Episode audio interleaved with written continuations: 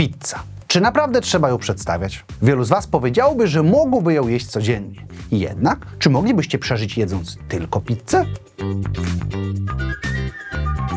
By zacząć naszą dywagację, musimy przyjąć kilka założeń. Po pierwsze, jemy tylko pizzę. A po drugie, musimy spełnić wszystkie wymagania, by nie odczuwać negatywnych skutków niedożywienia czy braku minerałów i składników odżywczych.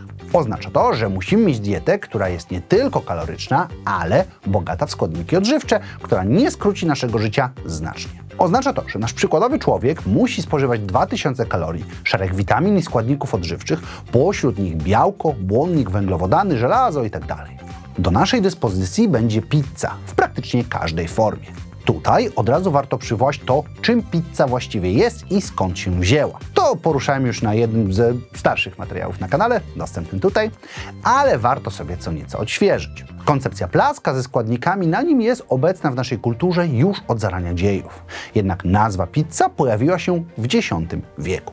To, co teraz znamy pod tą nazwą, to jednak czas późniejszy, bo XVII wiek, kiedy w Europie pojawiły się pomidory, przywiezione tam z Ameryki. Wtedy to pizza zaczęła być naprawdę popularna. Pojawiły się pierwsze restauracje, a z biegiem kolejnych lat mogliśmy zobaczyć kolejne jej wersje i iteracje od klasycznej włoskiej margerity po głęboką pizzę Chicago, po różne eksperymenty jak pizza hawajska. Myśląc o pizzy, nie można nie wspomnieć o włoskich mistrzach renesansu.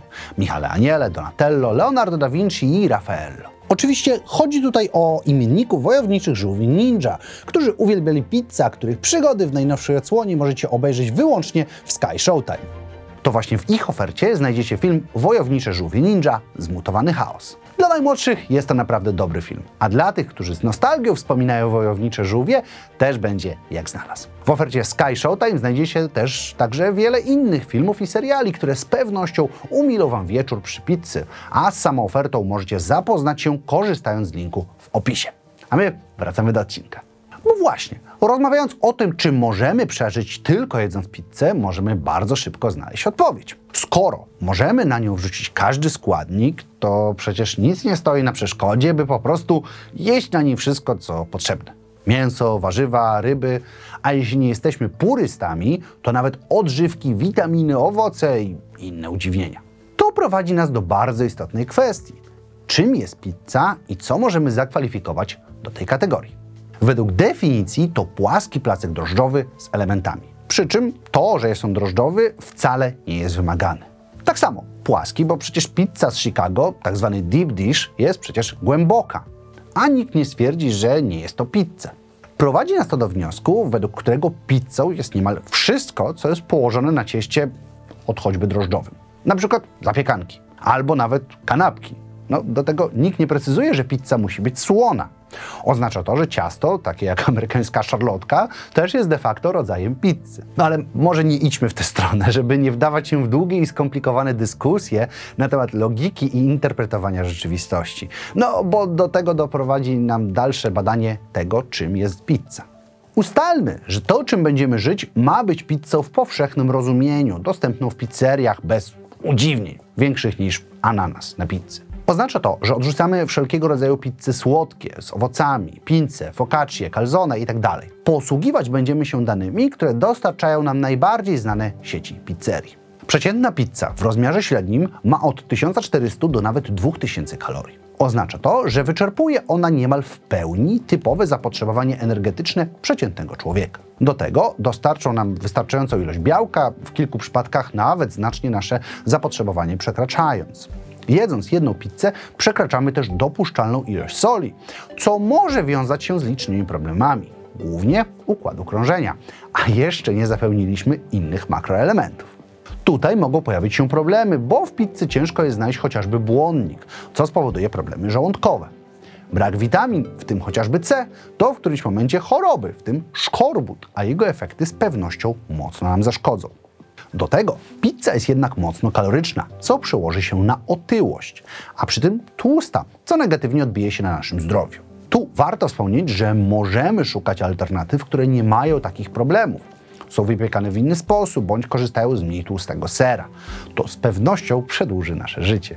Jednak, by nie trzymać Was pełnej niepewności, to trzeba przywołać nieformalne badanie przeprowadzone przez kilku ochotników, którzy odnotowali swoje odczucia podczas siedmiodniowej diety złożonej tylko z pizzy. Mimo, że wszystkie eksperymenty prowadzone były niezależnie, to da się zauważyć podobieństwa. Pierwszy to uczucie ciężkości i problemy z żołądkiem, które pojawiły się niemal od razu. Drugiego dnia wielu uczestników mówiło o opuchliźnie, która pojawiła się na ich twarzy, połączonych z uczuciem suchości. To prawdopodobnie był efekt nadmiaru soli w organizmie.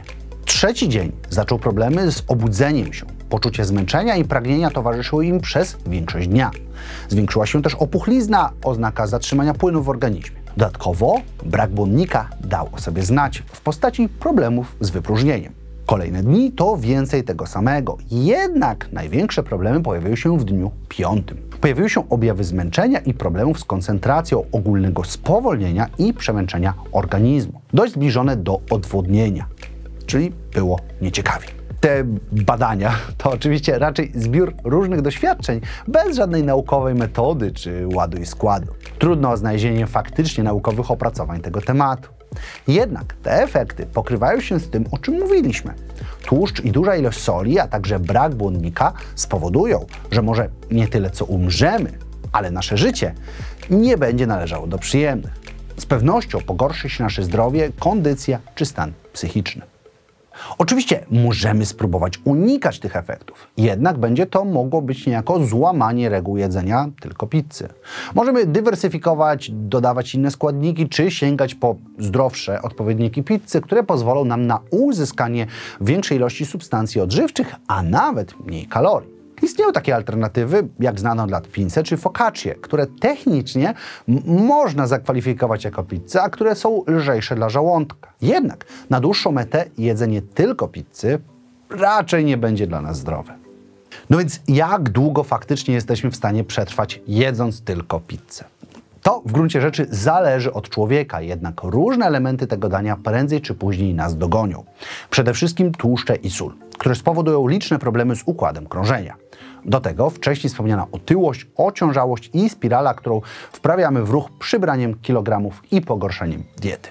Jeśli faktycznie stracimy nad tym kontrolę, śmierć może przyjść nawet po roku, kiedy nasze serce po prostu nie wytrzyma zwiększonej dawki soli i tłuszczy, które podniosą nasze ciśnienie i zablokują krew. Duże szanse mamy wtedy na hospitalizację i gorącą rekomendację lekarza, byśmy przemyśleli swoją dietę. I to uśredniona konkluzja dla większości z nas, która skróci nasze życie o dwie, a może trzy dekady.